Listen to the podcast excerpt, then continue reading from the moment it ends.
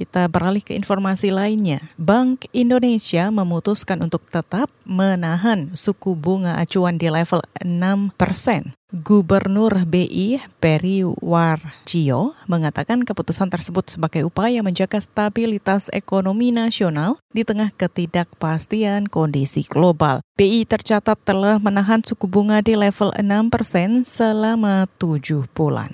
Bank Indonesia akan terus mencermati kondisi pasar keuangan global dan stabilitas eksternal perekonomian Indonesia dalam mempertimbangkan terbukanya ruang bagi kebijakan moneter yang akomodatif sejalan dengan rendahnya inflasi dan perlunya mendorong pertumbuhan ekonomi di dalam negeri. Periwarjio menambahkan, BI bakal tetap memastikan ketersediaan likuiditas di perbankan. Selain itu, BI juga terus memperkuat kebijakan sistem pembayaran dan pendalaman pasar keuangan untuk mendukung pertumbuhan ekonomi.